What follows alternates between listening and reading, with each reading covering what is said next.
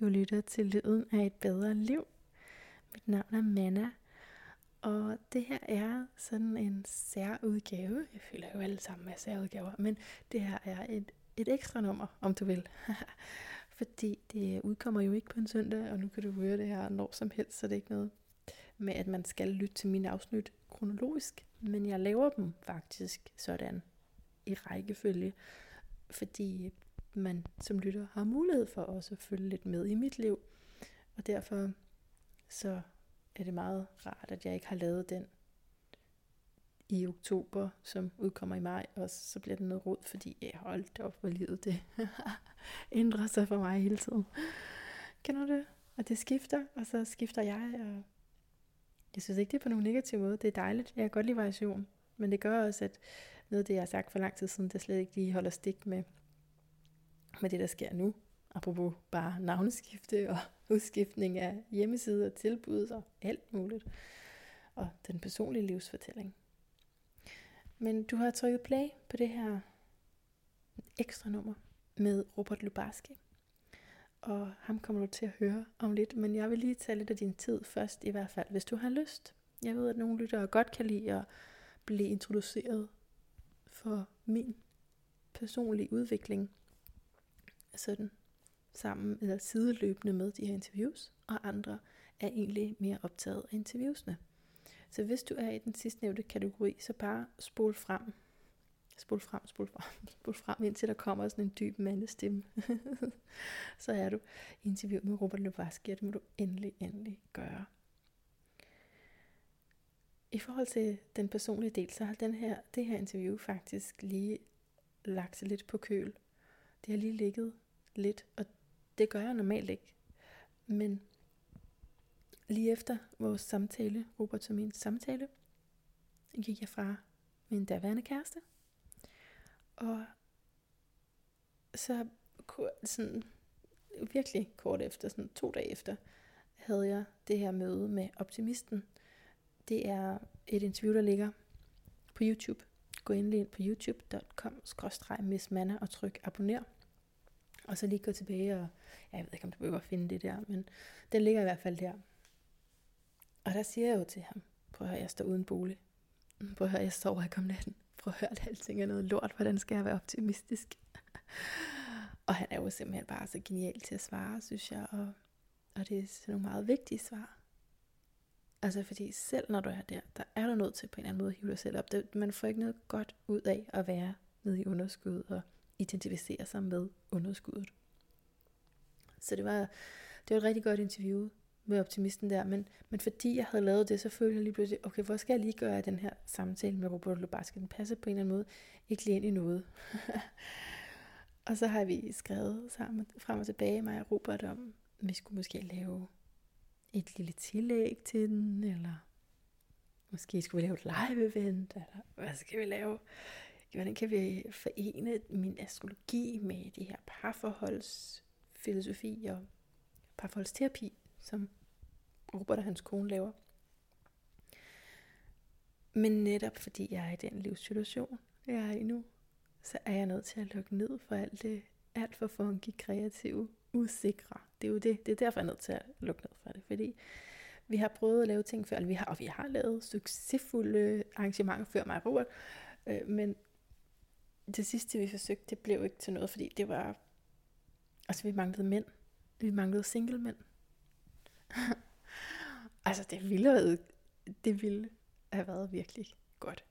Det ved vi begge to. Men det var bare ikke så fint for de kvinder, der havde tilmeldt sig, når nu det var et datingarrangement, at der ikke var mere end tre mænd på. Så derfor aflyste vi det. Og det er klart, jeg har virkelig lyst til at tage den gnist op og gøre noget ved det, fordi jeg, ja, der, jeg har bare en eller anden tiltrækning mod det her matchmaking. Jeg elsker at føre folk sammen. Jeg elsker, når, mm, når folk finder hinanden. Det kan jeg så godt lide. Altså det, ja, det, plus at jeg jo så har nogle redskaber til at se, hvem der kunne passe sammen, og nogle meget sjove og dejlige, synes jeg selv, idéer om øh, øvelser, man kan lave, så man kommer dybere ind på livet af hinanden. Så derfor øh, har jeg længe været tiltrykket af hele datingbranchen. Men det har aldrig rigtig lykkedes at gøre noget som helst godt der, faktisk overhovedet ikke. Altså selv de par, jeg har ført sammen, det har ikke været specielt godt. Men altså det, var også, det er langt tilbage, vil jeg sige. Det er langt tilbage. Jeg tror ikke, jeg kan ikke huske, at jeg har nogen succeshistorie, så det må jeg jo også tage en mente, selvom jeg kan snakke lang tid om, hvor, hvor sjovt jeg synes det er, hvor gode idéer jeg har, så er ligesom aldrig blevet til mere end, end bare det sjove. Et par sjove dating arrangementer. Der er ikke nogen, der sådan seriøst har fundet anden. Så det giver egentlig også mening at give slip på det og på de visioner, vi havde sammen med Robert også, og de siger, okay, det er nok ikke lige nu. Og så kunne man lave alt muligt andet, og jeg kan sagtens, fordi altså, min hjerte, der er bare så mange idéer hele tiden. Og er der noget, jeg kan manifestere, så er det events. Men mit problem i de her tider, måske har det altid været sådan, det er at, at kunne manifestere økonomi, altså en sund en. Altså penge, altså ro, altså stabilitet. altså, når jeg siger ro, så mener jeg den fysiske ro. Der hvor du ved, hvor du skal hen og sove hver nat. Og der hvor du ved, jeg har et sted til alle mine ting. Og til mine børn. Og det viser mit horoskop, og jeg er på sagen. Jeg er på sagen. Og jeg er også i total vendepunkt tidspunkt. Og dig som lytter, i og med, du har lyttet med så lang tid her, og er tiltrukket af min podcast, så er jeg sikker på, at det også er et vendepunkt for dig, fordi det er jo den kollektive energi, der gør det, men alt efter hvem vi er, vil det påvirke os forskelligt, og det er ikke sikkert, at det lige har med bolig at gøre for dig, fordi det er nu sådan en ret specifik placering hos mig, der gør det. Men hvis bare du har nogle af de samme ting aktive i dit horoskop, som jeg har i mit, hvilket jeg tror, du har, hvis du er tiltrukket af det, jeg laver. For sådan er det, vi tiltrækker dem, vi er. Så vil du også stå over for et stort vendepunkt. Måske en ny vej, professionelt eller uddannelsesmæssigt eller familiemæssigt, relationsmæssigt. Det er en tid, hvor vi trækker en streg i sandet og siger, det derovre, det er jo det gamle. Det her, det er det nye. Ja. Jeg kom lige til at tænke på et billede, jeg gerne vil beskrive for dig. Om parforhold. Altså fordi sagen er jo, så gik vi fra hinanden, og det har vi så gjort mange gange igennem årene. vi har været sammen i næsten to år, hvis vi lægger det sammen. Men jeg har jo haft sådan tre måneder hister her, hvor vi så ikke har været sammen, men så har vi været venner, og så er det alligevel krydset en eller anden grænse, og så er vi blevet kærester igen. Og for mig var det vigtigt dengang her for et par måneder siden, hvor den her episode altså blev lavet lige før, øhm, at sige, nu sker det ikke igen. Helt klart. Altså nu ved jeg, at vi ikke går for hinanden. Men vi bor sammen stadigvæk, fordi jeg ikke kan finde et sted at bo. Det er det, der er den store hurdle, og har været det igennem mange år snart. Siden 2013 eller sådan noget. Hvor jeg har lidt efter bolig. Det vil jeg ikke gå ned af den samtale, fordi det er sådan en lang historie. Jeg skal nok, det kan jeg gøre en anden god gang, hvis du gider at høre om hele mit familieliv og sådan noget. Den anden historie. Men siden der har jeg lidt efter bolig, og selvfølgelig tæt på mine børn. Fordi jeg har, så har jeg jo så i de år prøvet alle mulige slags boliger. Hold nu kæft, jeg kan ikke tælle dem. Måske 3.000. det er det højeste tal, jeg kan tænke på. det er det højeste tal, jeg kan tænke på. Det er 3.000. Som jeg tror, jeg har boet 3.000 steder. Og så har jeg så prøvet at have børnene i alle de her locations, og det er ikke spor let, hvis man ikke bor tæt på deres hverdag. Så bliver det noget råd, så kan du bruge hele dit liv på at køre at tage bus og tage tog, få trætte børn med hjem, og have børn, der siger, at vi gider ikke så langt, og, og de har planer med deres venner, som bor i området, og det er bare ikke særlig smart at pendle fra Kursør til Valby. Eller hvor nu jeg har boet. Så jeg leder specifikt efter et sted i Valby bo, som jeg har råd til. Og det er jo altså lejebolig. Ikke? Ja, det siger det selvfølgelig, som hvis du lige har et godt tip, men, men også på en anden side, så, så tror jeg ikke, altså, du skal ikke tænke i de baner, faktisk helst.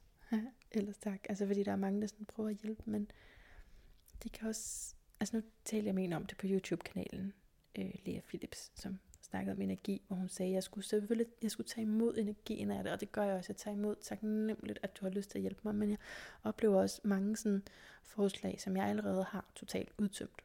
Og så bliver det bare ekstra for mig. ekstra arbejde for mig at dykke ned i det. Så det er slet ikke fordi, det er faktisk ikke fordi, jeg vil have, at du skal til at foreslå en masse lejligheder, når jeg siger det her. Ellers tak.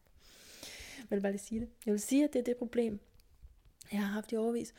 Og hvor jeg bare beder til Gud, til universet om, at give mig et nyt problem. Please, giv mig et nyt problem. Kunne jeg ikke bare få et eller andet, andet lorteproblem at kæmpe med, end lige præcis det?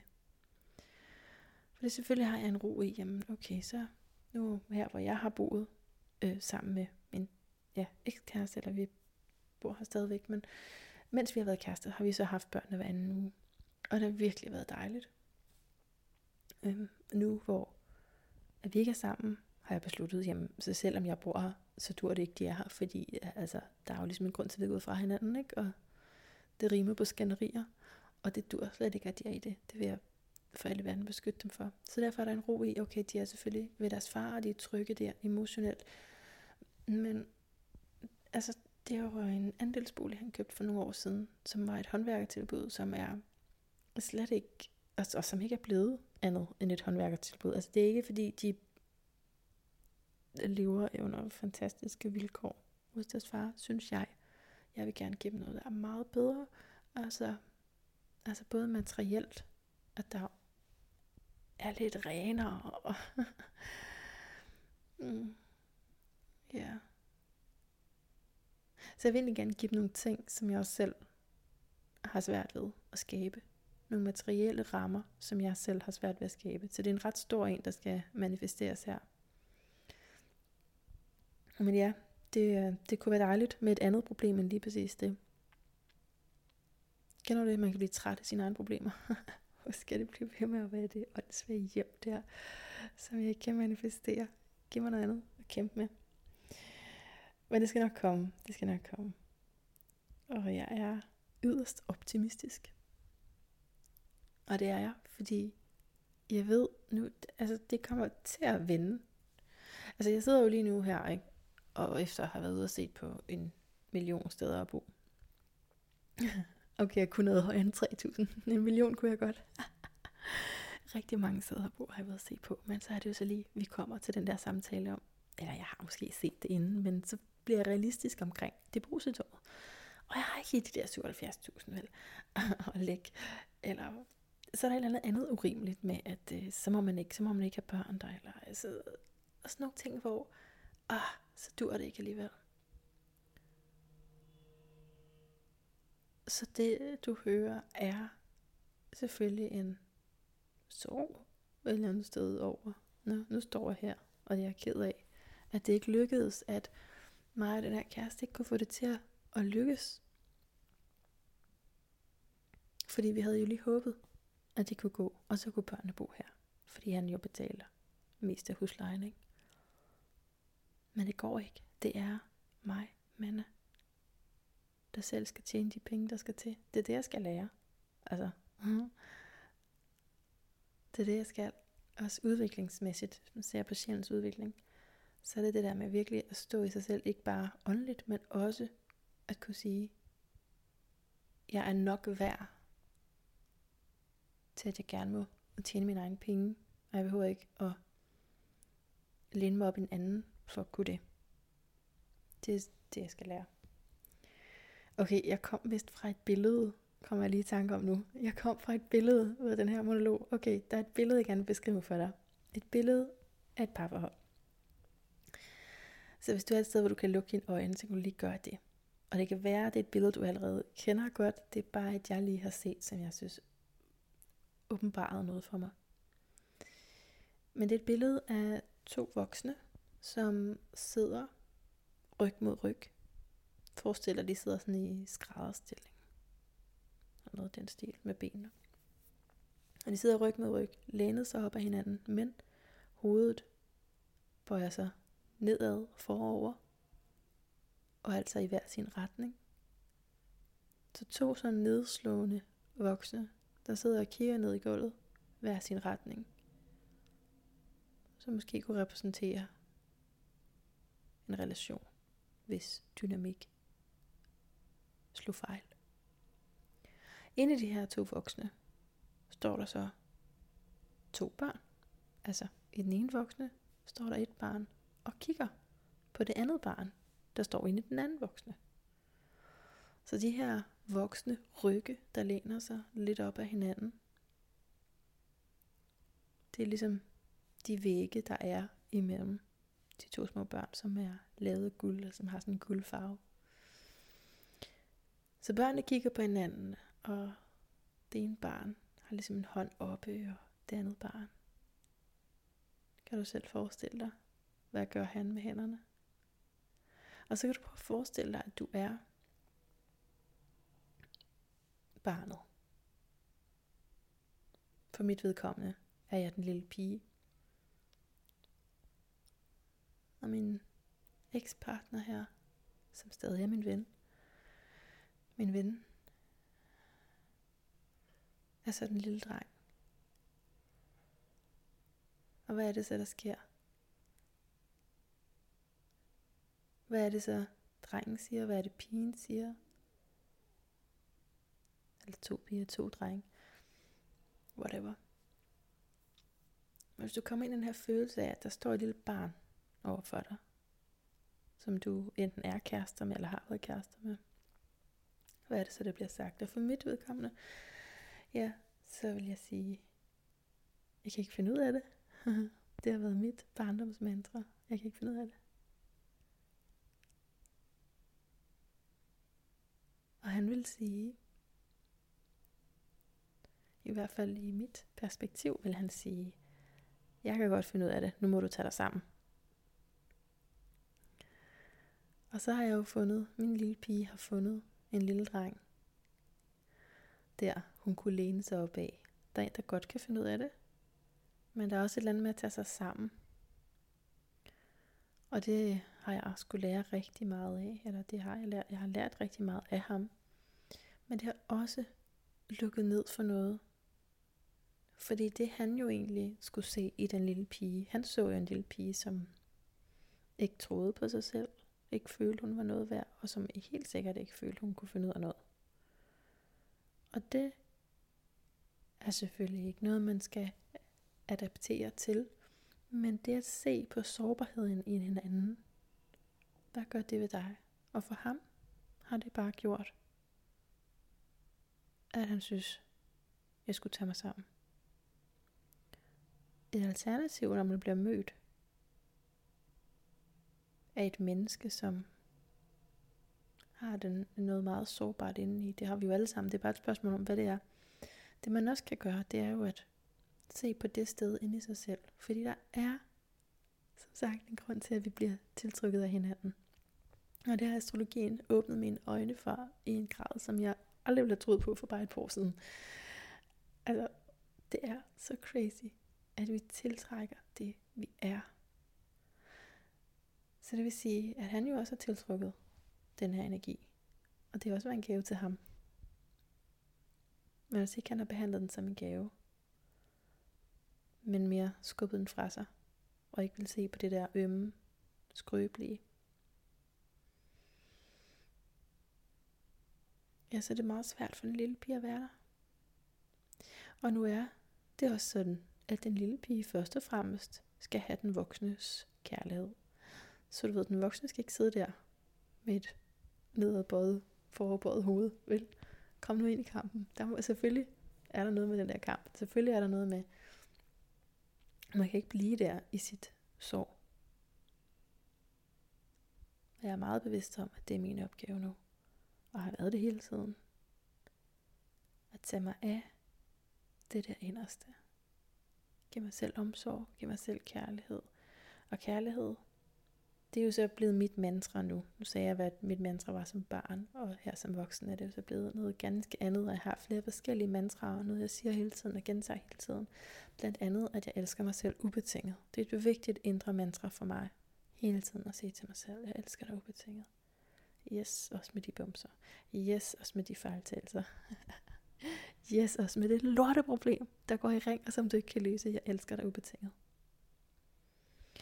Men kærlighed er jo også praktisk. Eller øh, kærlighed er handling. Ikke? Så det stopper ikke ved mantraet. Vi må også se på, hvad er det så vi gør. Hvad gør jeg egentlig for mig selv? Og der har jeg helt klart jeg har på det sidste haft en tendens til at lade mig rive med af den begejstring over for alle mulige andre menneskers bøger og historier. Og så sagt, ja okay, jeg har pissehånd i hovedet, men jeg gør det lige alligevel. Fordi nu har vi aftalt, det var her, den skulle, ud, den skulle udgives. eller, eller måske endda, jeg har kunnet mærke, at ah, energien er ikke helt god. Jeg har ikke, jeg, jeg ved ikke hvorfor, men jeg har ikke lyst til at skulle afsted og interviewe den her person. Men nu har vi aftalt, og så gør jeg det alligevel. Og hver gang viser det sig jo bare at være noget PS. Ikke også? Når jeg tager afsted på sådan noget. Ej, jeg vil ikke sige hver gang. Jeg vil sige, jeg har også siddet med hovedpine til virkelig, virkelig gode interviews. Det vil jeg godt lige have lov at nuancere den. Men hvem ved, om interviewet ikke var blevet endnu bedre, hvis jeg havde ventet. Hvis jeg havde sagt, kan vi lige udsætte det, fordi mit hoved er skidt i dag. Hvis jeg havde turet og våget pelsen med den ærlighed. Altså, det er jo en satsning, ikke bare fordi ikke fordi jeg synes, det er pinligt i hovedet overhovedet, men fordi, men fordi, hvem ved om de lige så gad igen eller havde tid.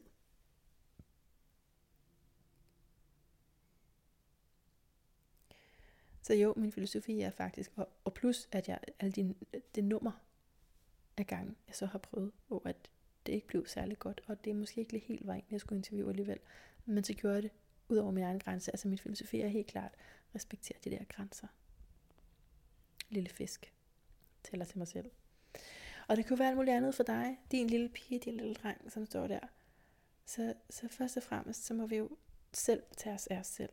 Og sige, hvad er det, jeg kan se på? Fordi ellers, så går vi nemlig ud ind i partnerskaber, ind i relationer, og beder den anden om det. Og det er ikke sikkert, at den anden kan. Måske kan den. Måske kan den ikke.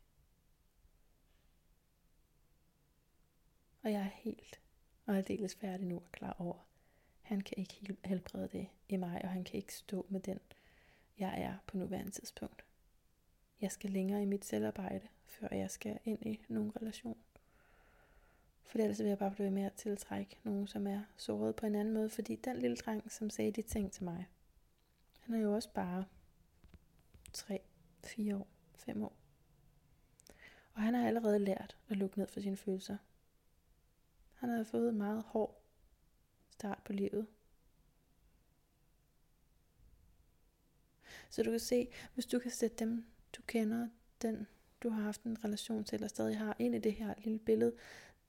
Jeg kan i hvert fald leve mig meget mere ind i at tilgive alt, hvad der er sket.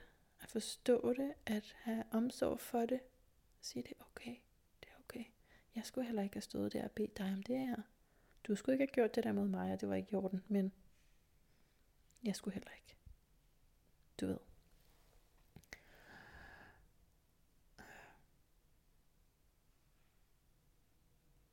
Så men øh, ja, lige nu bor vi sammen. og det kræver også sit hele tiden med de her grænser. Nå, øh, hvordan kan jeg lige være her, og hvordan kan vi lade være at løbe ind i de mønstre, som vi var i vores parrelation. Det gør vi jo stadigvæk lidt. Men det gør vi alligevel ikke helt så meget, fordi vi har ikke kærestekortet længere til alle, der har prøvet det, og jeg kender mange, der har prøvet det her med at en eller anden grund at bruge sammen sin eks. Igen, fordi jeg selv har prøvet det, så har man det med at tiltrække nogle andre, som også har prøvet det. Mm. Det går jo bare alle sammen i vores egen lille verden, ikke? fordi vi tiltrækker det, vi er. Men altså, jeg har, jeg har mødt mange andre, som har stået i samme situation, og I ved, at der er stor forskel på, da man boede der med ens kæreste, eller om man bor der sammen med en, man har besluttet at vi skal på en eller anden måde lige bo sammen det sidste stykke tid, eller vi skal bo sammen, fordi vi har børn, eller hvad nu det er. Men vi er ikke kærester. Der er rigtig, rigtig stor forskel på, hvordan man omgås hinanden, hvilke forventninger man har til hinanden. Men samtidig er der også nogle grå zoner, som kan være meget svære at tænde lyset i. Så jeg glæder mig helt klart til, at det skifter, og jeg flytter. Men det er et, et stort, ukendt hav her. Der er helt... Jeg aner det ikke. Jeg aner det ikke. Altså, jeg har jo min kalender helt booket op med klienter og personer, jeg skal interviewe resten af året. Det ved jeg. Men jeg ved ikke, hvor jeg bor henne, mens jeg skal de ting. Og jeg ved ikke, hvad der skal ske 1. januar 2020 heller, hvor jeg har besluttet at fokusere min energi. Jeg, føler, nu siger jeg, at jeg har besluttet det, det føler jeg jo ikke. Altså jeg føler jo bare, at det er helt åndssvagt andet. Ikke? Altså helt frivilligt, ikke? så vil jeg gerne, som jeg har nævnt, væk fra problemet med at have et sted at bo. Det vil jeg gerne. Og, og okay, jeg kan også godt tage et andet problem på mig, hvis jeg kan bytte. Men hvis jeg nu skulle tillade mig selv faktisk at ønske, hvad jeg rigtig gerne vil, hvis jeg kunne ønske, hvad jeg rigtig gerne vil, ikke? så vil jeg sige til Gud, og det gør jeg. Giv mig en radiostation. Prøv at høre, jeg, det er jo det her, jeg laver. Ikke? Og det er ikke fordi, jeg er specielt god radiovært overhovedet ikke. Og det er jo faktisk det, er jo faktisk det der problemet, ikke? I hvor, når jeg ansøger og stiller op til casting og auditions, og hvad jeg har, nu har våget mig ud i, i den her bestræbelse. Det er jo fordi, jeg er ikke den typiske, jeg er ikke sådan på den måde bare kører ud af, som en eller anden tvilling, og har masser af ord. Nej, det er det ikke. Og tit vælger ting, som jeg ikke er lige i øjet til. Det ved jeg ikke, hvorfor det er sådan. Det er lidt sært, måske. Det er det ikke, når man ser mit horoskop, så forstår man det hele. Men, men det er lidt sjovt karaktertræk, at jeg vil nogle ting, som jeg ikke... Altså for eksempel, jeg er også yogalærer. Og jeg er ikke specielt god til yoga. så ligesom jeg gerne vil rette men jeg er ikke specielt god til at spike.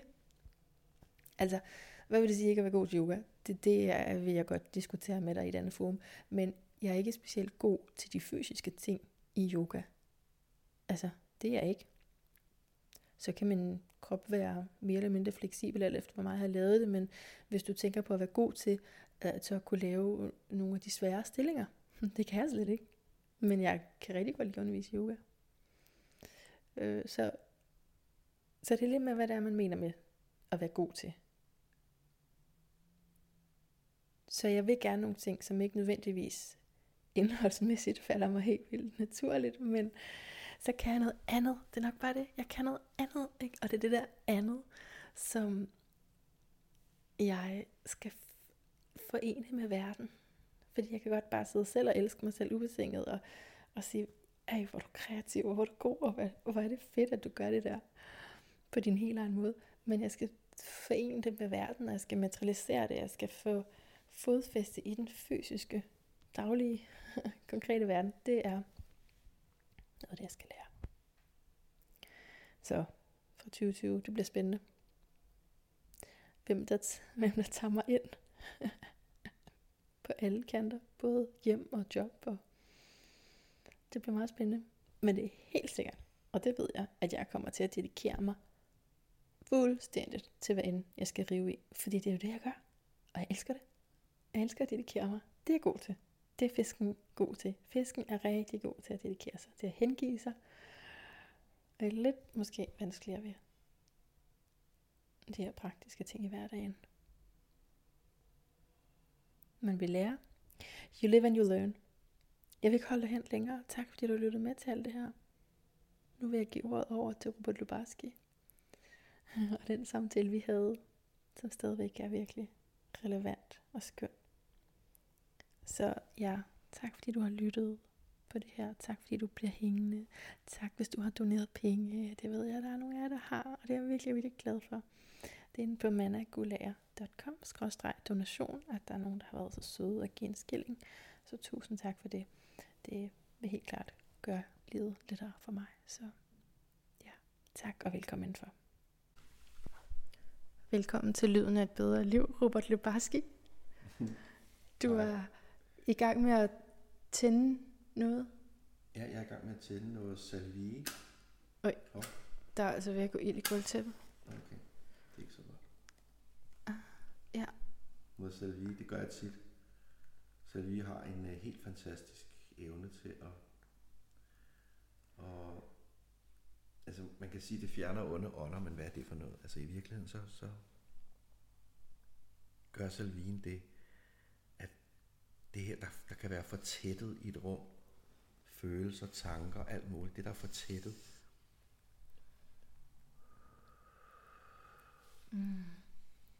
Hvad sker der med det der fortættet?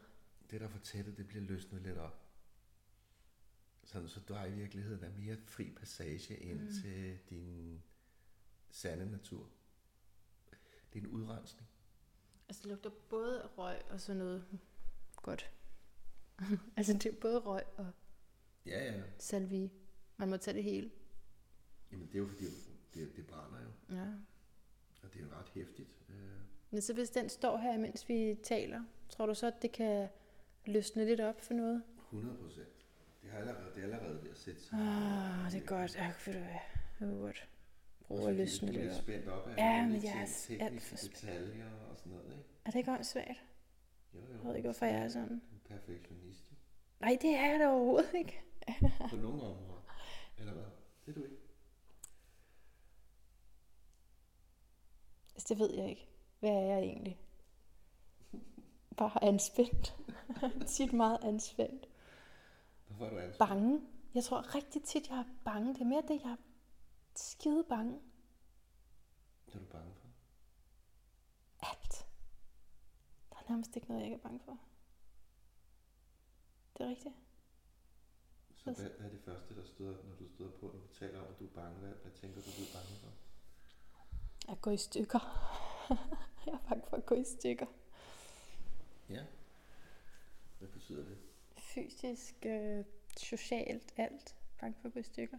Ej, det har virkelig hjulpet det her. Jeg sidder allerede og deler om mit inderste. Ja. Men det er jo det, du kan, Robert Lubarski. Hvis jeg lige skal ære dig et øjeblik, så skulle jeg egentlig introducere dig også. Altså, du er jo især lige for tiden kendt for at lave det bevidste parforhold sammen med Camille, nu har jeg glemt hendes efternavn, Rishøj. Camille Rishøj, din Ja, kvinde. ja. Og så har du lavet en række ting igennem tiden. Du er shaman, laver trommerejser, og så rigtig meget det her kærlighed, parforhold, ikke? Jo. Og, Underviser i seksualitet. nå ja, nå ja, der er hele det der sex. Ja, det er en stor ting også. Det Det- er det, Virkelig en stor ting. ja. Ja, ja jeg, har, jeg har jo set dit horoskop, og jeg har talt lidt med dig om, at du har øh, Chiron i konjunktion med Mars i 8. hus, som i hvert fald kunne sige at være et sår på maskuliniteten og en healingskraft i forhold til maskuliniteten, men 8. hus er også seksualitetens hus. Så er der også noget med at blive fri igennem erfaringer, positive erfaringer med det seksuelle møde, med det der møde, hvor man møder med hinanden. Jeg skal lige holde mikrofonen lidt mere dernede, så vi ikke puster ind. Ja, sådan. Ja. Så, så ja, du er også seksolog. Er fordi, jeg synes, det er enormt vigtigt. Det er fordi, at sex er spirituelt. Ej, det er bare sex er så enormt vigtigt. Det er jo sådan ligesom hele den kraft, vi bruger. Altså, den manifesterer. Nu lukker jeg lige for den her hånd. Så ikke bliver for sur. Men jeg kan godt lide det. Nå, nej, nu bliver sur. Men øh, det er jo noget at gøre med, at øh, sex, det er jo også vores... Øh, det er jo den skabende kraft i universet. Den skaber jo nyt barn til verden. Men det er også den, der skaber øh, mm. virkelighed af vores drømme.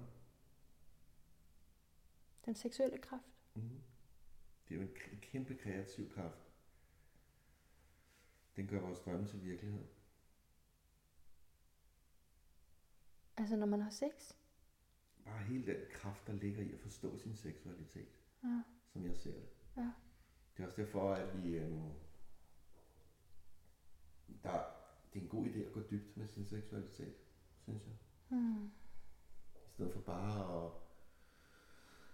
det er jo ligesom første stadie, så dyrker man bare en masse sex, fordi det er enormt dejligt, at man får nogle orgasmer, og man kommer tæt på hinanden og sådan noget. Det er jo enormt, det er jo fint, men, men i virkeligheden er det jo en, øhm, den aller største byden ind af den modsatte energi, feminin, maskulin, for i virkeligheden at blive hel. Ja. Altså øh, for at lege med energierne i forhold til at finde hjem som, som et væsen i fuld maskulin og feminin øh, balance. Robert, hvad hvis man er i et parforhold med en, hvor man ikke har lyst til at have sex med ham? Det kender jeg mange, der har. Og det har jeg da også selv prøvet. Altså i hvert fald, hvor det når til et punkt, hvor man ikke har lyst mere. Så er det interessant at finde ud af, om øh, man nogensinde har haft den lyst. Om man har skabt viljen til at have lyst, fordi man gerne vil være Mm. sammen med den her, her person, Mm. eller fordi man øh, er bange for at være alene. Fordi Mm. hvis man har haft den her sådan, enorme tiltrækning, så vil den altid være der. Så vil den altid kunne komme igen. Men den kan ikke skabes i mine øjne, hvis ikke den har været der. Altså det er ligesom hvis du ser det der program, der hedder Gift ved første blik. Dem, der ikke har nogen tiltrækning på hinanden, altså de, kan, de der eksperter, eller hvad det nu er, der laver det der program, de kan jo hoppe og danse og gøre hvad som helst. De kan jo ikke få folk, de kan jo ikke, få, de kan jo ikke skabe, de kan skabe, at folk får en tryghed til hinanden, og de kan vende sig til hinanden på alle mulige måder. Og det kan man jo også godt leve rigtig lang tid på. Men de kan ikke skabe den der en dyriske tiltrækning. Den er der, eller også er den der ikke, for det har jo noget med alt muligt at gøre. Energi og duft og... Det synes jeg er en virkelig god nøgle, du lige har givet os der. At tænke over, om det nogensinde har været der, eller om man fandt på det dengang. Problemet ved nøglen, en lige nu, er vel, at når et parforhold er gået lidt i krampe, eller gået i stå, eller man er træt af det hele, så ser selv, ofte i hvert fald, at selv de første møder, og det man husker var godt, det ses jo i et vist lys, kan du følge mig? Og så kan man måske bilde sig ind, at det har aldrig været der. Men det var det måske. Objektivt set. Altså, hvordan ved man, om man nogensinde har været tiltrykket af hinanden af sådan de rette dyriske grunde? kan du følge mig? Jamen, det kunne jo godt være, at man bare var tiltrukket af trygheden. Er det så nok? Nej, men kan man ikke, hvis man lige sætter sig ned og mærker efter? Kan det man ved jeg da ikke, mærke, om man bare kan. man var helt derude, hvor ens krop den sidder. Nå, skal det være så voldsomt? Ja, Okay. det synes jeg, det skal være. Man skal mærke det sådan, så du ved, den der, hvor det sådan går helt ind i kroppen. Man kan bare mærke, at man er så forbundet. Mm. Altså, hvis ikke jeg har sex med den her person, så dør noget inde i mig. Ej. Altså, nu er jeg også sådan lidt... Jamen, du øh, er så 8. husagtig. poetisk-agtigt, eller sådan prøve at gøre det lidt dramatisk. Men, men, men det er jo bare sådan, det er jo sådan, jeg har lyst til, det skal være. Ja. Og jeg ved jo, at hvis jeg har haft det sådan, så vil det altid kunne skabes igen. Så det er kun et spørgsmål om, at vi er inde i nogle øh, dybere lag nu, Mm. hvor vi skal, hvor vi skal finde det. Øh, ja, en ny bevidsthed. Mm-hmm. Så hvis den ikke har været der, den citrende, orgastiske tiltrækning, så er det ikke noget godt parforhold. Nej, jeg tror bare, jeg vil sige, at hvis ikke du har nogen seksuel tiltrækning, du simpelthen ikke rigtig føler den der. Det er noget, du ligesom skal starte rigtig godt i gang for at komme ind i det, og sådan har det altid været. Altså, du kan godt mande dig op til det. Så er det problematisk. Fordi så er der et eller andet, som bliver ved med at være der. Altså, det er jo, det er jo også noget at gøre med, har man lyst til at spise det andet menneske? Har man lyst til at slikke deres armhuler og deres røvhul, altså for at sige det som det er, eller synes man, nej, det har jeg ikke specielt meget lyst til. Hvorfor har jeg ikke det? Fordi det har man jo i mine øjne, hvis man er tilstrækkeligt liderlig. Måske ikke alle, men altså... Så nu går jeg bare sådan helt ned i det dyriske, men altså, det er jo det, man... Det kunne man i hvert fald forestille sig. Det er det, det, jeg ser mange have lyst til. De har lyst til virkelig at tage det andet menneske ind. Og hvis man ikke har det, Så er, det jo, så er det jo et eller andet med noget kemi.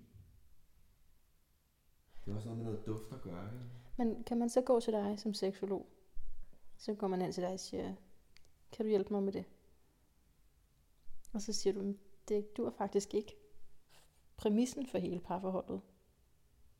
Kunne du finde på at sige det? Jeg har ikke haft nogen, der har sagt det. Nå. okay.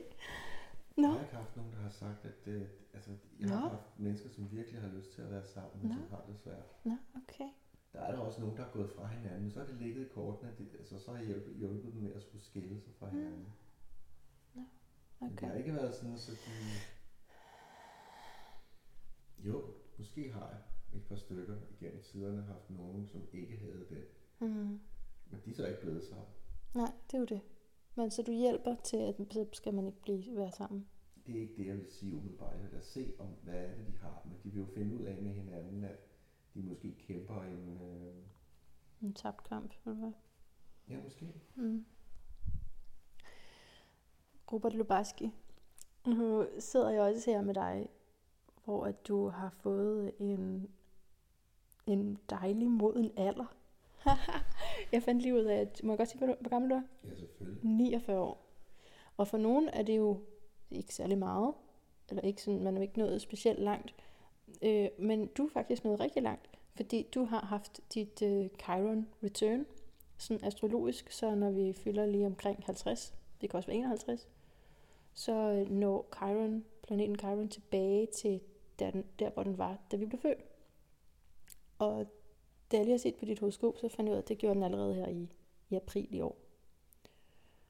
Så øh, det betyder, at nu er du altså i en fase, hvor at du virkelig bliver inviteret til at dele ud af din mentorrolle. Du har jo været vis længe og beskæftiget dig meget med at kommunikere din visdom ud. Men et nyt niveau er det.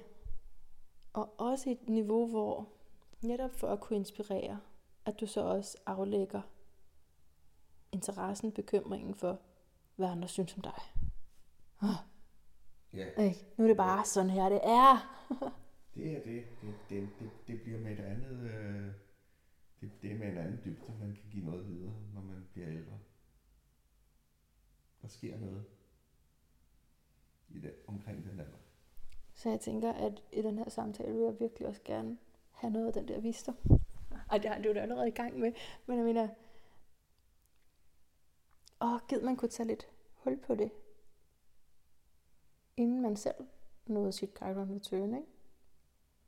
Eller Jo. når man har nået det, at man så, altså, Jo, Kan men få- det, er jo, det er jo meget sjovt, fordi så, så, kan man jo, så kan man jo gå tilbage til det, som vi startede med at snakke om. Ikke? Du er bange for at gå i stykker. nå, Så vil jeg jo, hvis, hvis jeg skulle bruge det, det, som mit liv har lært mig, så ville jeg jo synes, lige der, der er noget, der er interessant.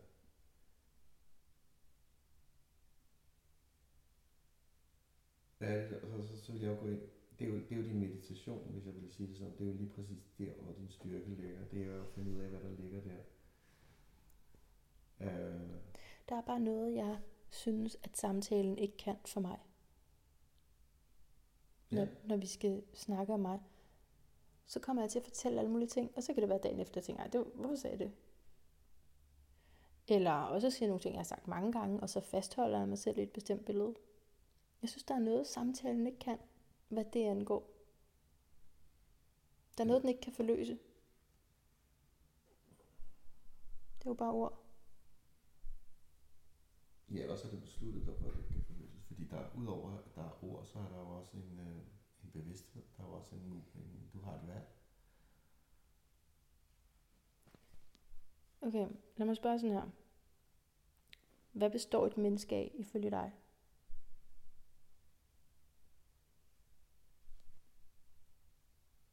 Ja, altså hvad det består af, det er jo en meget stor, altså, altså det ved jeg ikke, altså jeg er jo, jeg er jo sjæl. Ja. I en krop. Først og fremmest sjæl i en krop. Ja, Mm-hmm. på en eller anden måde. Mm. Måske er det en forkert måde at sige det på. Men sådan noget i den stil. Mm. Øhm, jeg er her ligesom for at udleve det, jeg er her for. Og det ligger dybt i min DNA på en eller anden måde. Som jo en, igen, det er jo en del af Guds skaberværk. Jeg skal, jeg skal udfylde det, jeg er her for. Og det sidder jeg så og oplever. Og det er i min fysiske krop. Min fysiske krop, den, den har ikke hele tiden været bevidst. Jeg har ikke, eller min, jeg har kontakt med min sjæl. Det er sådan, så jeg har vidst, hvorfor jeg har været gået igennem de ting, jeg har gået igennem. Nogle gange i mit liv har jeg måske tænkt, at tingene er sket, fordi de er imod mig, eller jeg skulle kæmpe ikke? Og for at få nogle ting og alt muligt.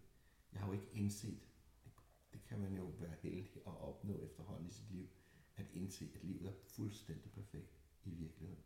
Det er, det er med alt dens modgang og frygt og hvad der ellers er, fuldstændig perfekt for at give dig lige præcis den læring, som du selv har valgt, du gerne vil i det her liv. Ja. Øh, sådan har jeg. Jeg har masser af ting, jeg skal lære endnu, men jeg kan mærke, at livet giver mig det helt automatisk. Det hele er allerede tilrettelagt, Åh, oh, det er dejligt at høre. Ja. tilrettelagt foran mig. Ja. Fordi det er mig, der har besluttet det. Det er mig, der har siddet sammen med Gud, eller i den guddommelige sfære, og tænkt, okay, nu skal jeg tage på den næste rejse. Som en, som en del af det kosmiske puslespil. Mm. Jeg skal ned på jorden igen, og jeg skal leve et, et, et, et nyt liv. Og nu har jeg mulighed for at øh, gøre det endnu mere bevidst end sidste gang, måske. Jeg ved ikke, om man vokser med det, eller hvordan det sker. Jeg kan bare mærke, at Mm. i det her liv, Ja. hvad, hvordan man så skal definere det, så har jeg mulighed for at, øh, at øh, jeg vil gerne forstå det hele. Jeg vil gerne, jeg vil gerne forstå, hvad det er, Ja. for. Jeg vil gerne slutte kampen. Jeg vil Ja. gerne finde fred Yes. med at være den, jeg er. Ja. Og derfor vil jeg gerne kigge på øh, alt det, som, som Wow. øh, jeg har det svært med Mm. at forstå, okay, hvis jeg har det svært med det, hvad er det, der har skabt, at jeg har det svært med det, hvis jeg kommer fra en kilde af guddommelighed? Hvad er det, jeg har, hvor er det, jeg har skabt en, har en gammel idé i, min, i mit system som krop, at jeg har den her overbevisning, at noget, at der er noget, jeg er bange for, at noget, det får mig til at gå i stykker, og whatever. Nå, nu snakker du om mig. Hvor kommer den, ind, i, i, hvor kommer den tanke fra? Men det var også fordi, at det er grund til at spørge dig til, hvad er det, vi består af som mennesker? Eller hvad er et menneske? Det er fordi, jeg tænker, de fortællinger der, kan nogle gange godt bare være ens komplekser, der snakker. Præcis. Og jeg vil gerne dybere end det. Så der er nogle større spørgsmål, hvor det giver bare ikke mening at tale. med- Altså, du kan godt spørge mig, og så kan jeg sige et eller andet. Men Jo, men for, for Men jeg første, ikke- så kan dine ord føre til handlinger. mm, Dine ord er med til at skabe virkelighed. De er med til at skabe nogle, nogle indsigter i dit liv. Skabe nogle situationer, du kan gøre noget med dine ord. Det er meget, meget kraftfuldt. Men det handler om, hvad for et sted i mig, der taler. For det kunne netop godt være, hvis, når vi siger, at vi er sjæl i en krop, så den her krop, den er traumatiseret. Den, er, øh, den kommer ud af en vis slægt, men en vis genetik. Sjælen kommer sikkert også, altså i hvert fald ifølge den astrologi, jeg er interesseret i, så kommer den også med nogle traumer. For ellers ville den jo ikke have noget, den skulle lære. Øh, så Så der findes jo et højere sted inde i mig også. Jeg kunne kalde det ånden, spirit. Men når du spørger mig om noget, så er det ikke sikkert, at det er lige fra det højeste sted, jeg svarer. Så kan det være, at jeg siger noget, som fastholder mig i noget, jeg lige mærker i kroppen. Så derfor nogle gange, så synes jeg ikke, det giver mening at give det opmærksomhed. Åh, oh, men det, hvis du går ind i det tankespænd, som det kan have, som det kan have en tendens til, så, så, så sidder du fast jo. Okay. Tankespil, ja. Fordi du kan også mærke med dig selv, om du er i din- den bevidsthed. Hvis du sætter dig der, Mhm. hvis du sætter dig der, så kan du mærke, om når, om når du kigger på din smertekrop, hvis vi skal kalde den Ja. det, så er der nogle ting i din smertekrop, altså gamle erfaringer, din krop har gennemgået, så du tror, at du kan gå i stykker. Der er noget, der har givet dig den fortælling i dit liv, at du kan gå i stykker. Og det har gjort dig til den person, du er, blandt andet. Du har skabt nogle forskellige måder at overleve den her smerte på. Ved at være dygtig, ved at være god, ved at være alt muligt. Så det har givet dig en masse gode ting. Men omstændighederne for at have den smerte, de er forsvundet. Men du tror stadig, de er der. Sådan er det for os alle sammen. Fordi det kan godt være, at din forstand og din indsigt og sådan noget godt ved det. Men din krop, den er meget langsommere. Den tror stadig, at det er realitet. At du skal gøre, gøre alle de her ting for at blive elsket. Som rammerne ligesom dannede, øh, da du var mindre. Så nu er rejsen, den handler om, at med den bevidsthed, som vi har, når vi, når vi har den, at vi kan ikke gøre det før, så kan vi begynde at billedligt talt, kunne man sige, rejse tilbage og besøge sig selv. Kig på sig selv. Giv plads ja. til sig selv. Ja. Og alle de gange, der er indfundet sig smerte. Hvis man igen kunne sige billedligt talt, så kunne man sige, alle de gange, som, som, hvor du som lille pige er blevet nødt til at tage tårerne bort og være modig og, og stærk, eller hvad du nu skulle være for at overleve, for at få kærlighed og alle de ting, der gjorde, at du kunne overleve. For det var nødvendigt, ellers kan du ikke overleve som menneske. Du bliver nødt til at have nogen, der passer på dig. Så så går vi jo også langt dybere i samtalen lige pludselig. Ikke? Frem for bare at spørge. Det er samtalen. Manna, der lige har sat sig ned. Ja, okay, så er det det her. Men øh, det holder ikke... Jamen, det, er også, det er også det, jeg oplever med mine egne klienter i astrologien. At ja, du kan godt fortælle mig det om dig selv, men hvis vi nu går ind i symbolet, det er så den måde, jeg arbejder på, ikke? så siger det meget mere. Og fortæller noget om, om motivationen bag. Og, kan du ikke følge mig? Der er en begrænsning i bare at spørge et menneske om noget. Jo, men det var ikke det, du sagde. Du sagde, at der var en begrænsning i at tage. Ja. Nå og ja. Når man taler, så, så er det ligesom at, at gå på en stige. Så ja. du jo dybere ind, men du skal jo samtidig bruge din, din fornemmelse. Ja. Ja, det er med i hvert fald en del af dig selv. Du bestemmer ja, selv, hvor dybt vi kan gå ned ad den stige. Ja, ja. ja. Vi kan gå helt ind. Mm. Vi kan gå helt ind i uh, din barndom. Vi kan, skabe, mm. vi kan skabe de billeder fra din barndom lige nu og her. Hvis du havde lyst til det, så kan vi gå direkte ind i dem.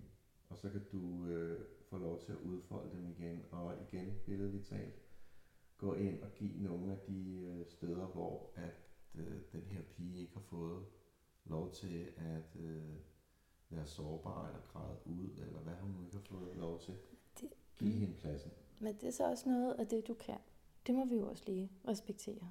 Og som, som andre rådgivere eller counselors kan.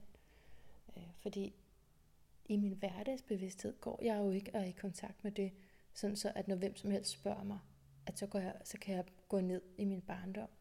Det er jeg jo nødt til. Altså et forsvars, et forsvarsmekanisme er jo udskilt, men den er jo også virkelig, det er jo virkelig effektivt også. Ellers så vil jeg måske altså, krymple rundt på gulvet mange gange. Ikke? Det er jo også noget, der gør, at jeg lige kan tage mig sammen og sige, nej, nu skal jeg fokusere på noget andet. Der er jo mange ting i den snak. For det første, at det er rigtigt, at det ville være dårligt for os, hvis ikke vi, øh, hvis ikke vi viste vores sande følelser hele tiden. Det ved jeg ikke. Øh, det kunne man jo teste. Ja. Øh, ja, og man kunne lave et samfund, hvor man kunne det. Det andet er, ja. at hvad er det, vi snakker om?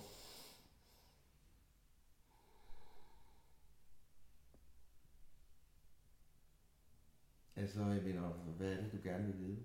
Eller hvad er det, du godt kunne tænke dig? Det du bestemmer. Ja. Hvad synes du, der er det vigtigste at blive klog på? I hele verden? Åh, oh, shit.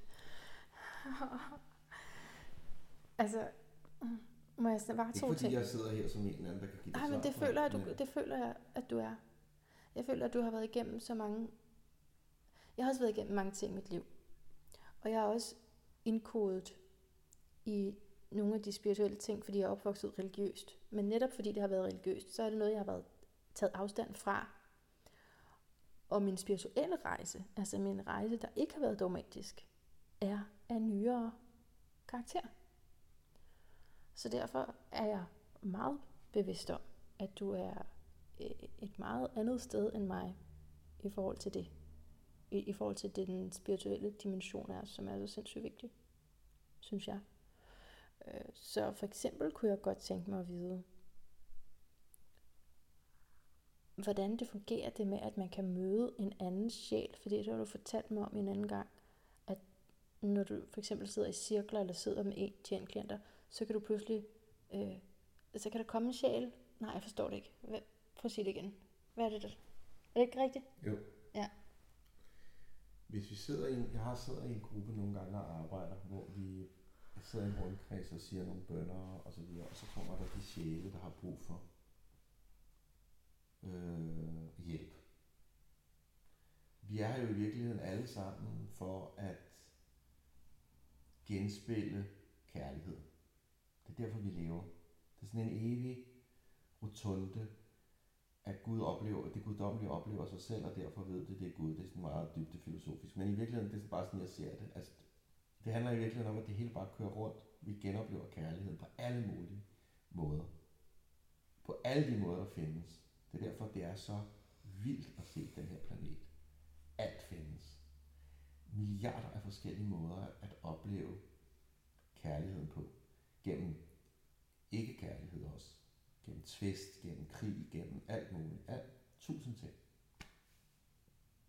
Imens der er vi samtidig inde bag alt det her, der udspiller sig, så er vi sjæle, der er vi energi, vi hvordan vi skal beskrive det, der er mange ord for det. Øhm, vi har, jo, vi har jo selvfølgelig lyst til at tage den her rejse, vi nu er på i livet, med den største forståelse, vi overhovedet kan. Fordi ellers så kan det godt føles, jeg ved ikke, hvad kan det føles? Tomt? Øh, det kan føles... Overfladisk. Ja, eller vi forstår ikke, om tingene bare er imod os, eller sker mm, ude rundt, mm, eller der ja, kan være ja, ja. mange ting. Ja, ja. Mm. Og øh, jeg tror, det. vi bliver tiltrukket af, vi bliver tiltrukket af, når nogen de øh, mm, har forbindelse i længere tid eller kortere tid til, øh, til øh, den guddommelige storhed, som vi i virkeligheden alle sammen indeholder. Men fordi vi nogle gange glemmer den i livets øh, vanvid, så er vi så kort op i den her smertekrop, vi lige talte om før, Ja. så vi i virkeligheden glemmer, at bag om det hele er vi en sjæl, der har valgt den her rejse som en oplevelse. Så hvis din sjæl for eksempel øh, kan mærke, at din krop den går igennem nogle rigtig svære ting, og den har ikke så meget kontakt, du har ikke så meget kontakt til din sjæl, og øh, Så kan den kalde på dig, eller hvad? Jamen, den er allerede forbundet, fordi vi er for, sjælemæssigt er vi alle sammen forbundet, så der er ikke nogen tid, der er ikke nogen afstand. Så hvis jeg, altså, hvis jeg skaber en, øh, lige pludselig øh, skaber en, øh, en lille oase midt i det, jeg er i, hvor min sjæl lige pludselig øh, kan drikke ved kærlighedens kilde, bare for at bruge et billede eller et eller andet så kan det være, at din sjæl, den er jo lige der, den tænker, Gud, det, det ser meget dejligt ud. Jeg tror også, jeg har lyst til at øh, komme Og derhen. drikke. Okay, Og så, så, så kan det være, at den finder vej. Jamen, altså prøv lige, jeg skal lige forstå det. Så jeg kan sidde her, og så kan min sjæl gå et andet sted hen. Ja, fordi der er ikke nogen, der er ikke, på det plan er der ikke nogen Men er jeg så stadig mig? Vi har lige sagt, at et menneske er en sjæl i en krop. Og hvis min sjæl så ikke er der længere? Den er der stadig. Nå, okay, det er en del af sjælen, eller hvad? Jo, men det er jo svært at forklare den. Det er jo ligesom om, at det, der er svært ved at tale om sådan nogle ting, det er, at man, hvis man virkelig, virkelig skal decifrere, så kommer man ind i et så dybt sted, hvor, hvor man, det bliver meget, meget svært at forklare, fordi Mm. øh, Jeg vil så gerne forstå det. det er også svært. Jeg kan heller ikke forstå det. Nej, okay. Men jeg kan mærke det. Jeg kan mærke det, fordi jeg har været der. Og hvis jeg skal beskrive det, jeg har, jeg har set så er det, at øh, vi er den her guddommelige energi, og så drømmer vi den her drøm, som er livet. Der er ikke nogen forskel på det, vi drømmer, og det, vi, når vi er vågne. Det er også bare en del af, altså vi synes, det her det er virkelighed, Yes. det er i virkeligheden bare endnu en oplevelse, en drøm, Ah. en, Ja. en ting, vi gennemgår som sjæl for at øh, se os selv som... Så ellers ville der jo ikke være noget. Der er ingen grund til, at hele det her udspiller sig. Det er ligesom en stor farverig eksplosion af muligheder. Øh, videnskaben kalder det Big Bang. Altså vi, det, er en, det er en stor sådan, livsudfoldelse og kollaps. Ja. Og det er vi en del af. Og vi, Mm. vi er i det, der er vi hele den energi. Ud og ind. Og så, har, så samtidig så udspiller det her, altså, som vi kalder livet. Og i det her liv, der kan vi blive sådan fuldstændig kort op. Nej, faktisk så har jeg sådan her, jeg skrev faktisk en historie engang sådan her. Der sad engang nogle engle, og de sad oppe i himlen. Og de var ren kærlighed. Altså, ligesom en tone. Ren kærlighed. Der var intet andet. Det vil sige, der var kun det. Det kan man sige, det var med vores sprogbrug en lille smule kedeligt. Altså, der er ingenting. Der var ikke engang en oplevelse af, at de var engle eller kærlighed, for det var bare det. Så derfor tog de hinanden i hænderne. Og så sagde de, ved du hvad, det var, det var en engel af dem, der fandt på det. Det var, der kom med idéen. Så jeg sagde okay, jeg har en skide god idé. Vi gør sådan her. Vi øh, leger en leg. Og det er lidt ligesom unge mennesker gør i dag, når de spiller sådan noget rollespil ved køkkenbordet, og så er lige pludselig så er jeg en smed fra 1800-tallet, og min gode ven Adam, han er en konge, mm, og så videre. mm. Så det gjorde de her øh, engle. De satte sig ned og holdt hinanden i hånden, og så begyndte de at skabe en verden. Og den her verden, det var en helt sort til at starte med. Og så lige pludselig midt i den her sorte verden, så var der en planet. Det kaldte de den i hvert fald. Det var sådan en, en kugle. Det var stadig lidt kedeligt, men det var fint nok. Den her kugle begyndte de at bombardere med alle mulige muligheder. Den, den fik bjerge, og den fik vand, og den fik floder, og den fik... Lige pludselig var der dyr på den her helt vilde dyr, der kunne alt muligt åndssvagt. Altså en, en mærkelig lygtefisk, der kunne øh, omforme sig selv, og øh, en, en, øh, altså alle mulige mærkelige, en, en, en, blomst, der lige pludselig kunne øh, skabe en støvfanger, som lignede en øh, hundbi, så hanbilen troede, det var en bil og bedækkede den, men derfor der tog støv, støvet videre fra den ene blomst til den anden. Altså fuldstændig vanvittige ting opfandt de. Og det var pisse sjov leg. Altså det var, det eksploderede simpelthen i muligheder. Men så for at gøre det endnu mere vildt, så opfandt de også øh, mennesker. Mennesket. To, og de, og to forskellige. En mand og en kvinde. Okay, nu var der virkelig lagt op til det helt store drama.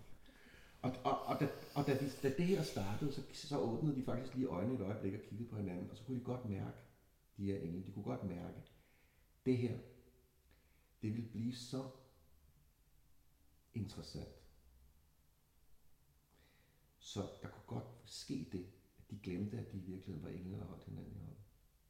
Det kunne de godt mærke. De kunne godt mærke, at det her kunne godt blive så sindssygt interessant, så de ville glemme, Hmm at det i virkeligheden bare var en leg. For at genopleve, at de var engle. Og den kraft, der var i kærlighed. Det var derfor, de lavede alt det her. De ville blive så opslugt i livet, og være de her mænd og kvinder med, mellem alle de her dyr. Så derfor så, så øh, lavede de en øh, så lavede de en øh, sikkerhedsforanstaltning. Det er i hvert fald det, jeg har skrevet i mit eventyr. De lavede en sikkerhedsforanstaltning. Det var sådan, at øh,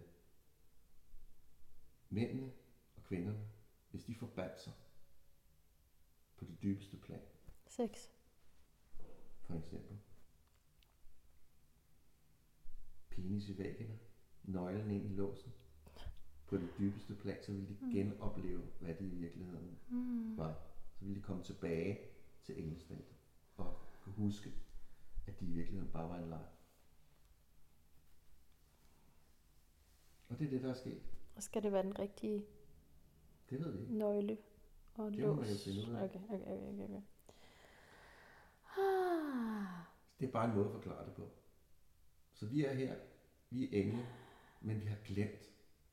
Så hvis du går rundt og har det rigtig, rigtig svært, og jeg åbner en lille bitte øh, passage til noget, hvor jeg kan huske, at mit englestadie her i livet, så bliver din sjæl rigtig glad.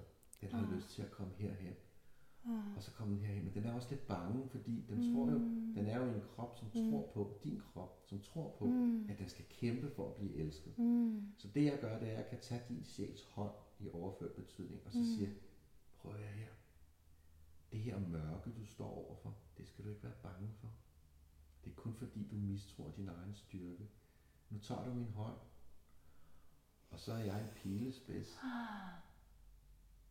ind i det allermørkeste, det allermest svære, det allermest modbydelige, du overhovedet kan forestille dig. Jo sværere, jo bedre.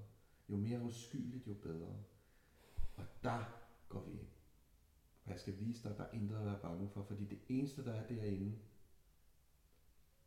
det er kun din egen forestilling om, at du ikke er god nok. Du har retten til at se alt i dit guddommelige lys. Tag den ret til dig. Amen. Amen. Robert Lubarski, jeg har jo kun tre kommentarer.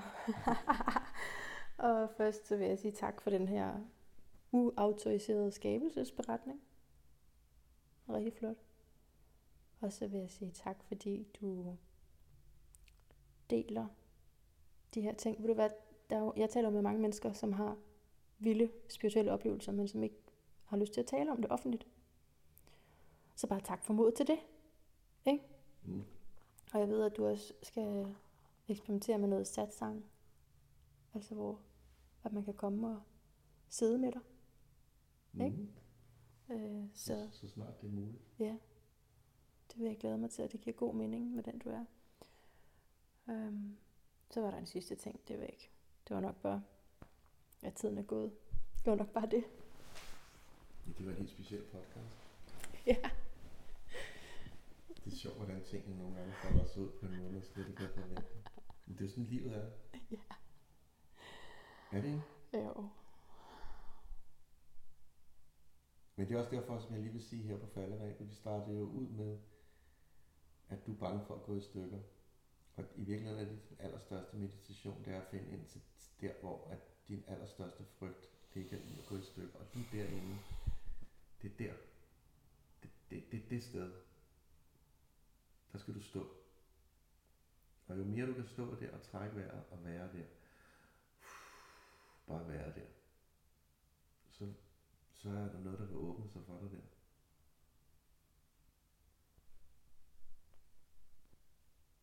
Den tager jeg. Tak. Selv tak. Fornøjelse.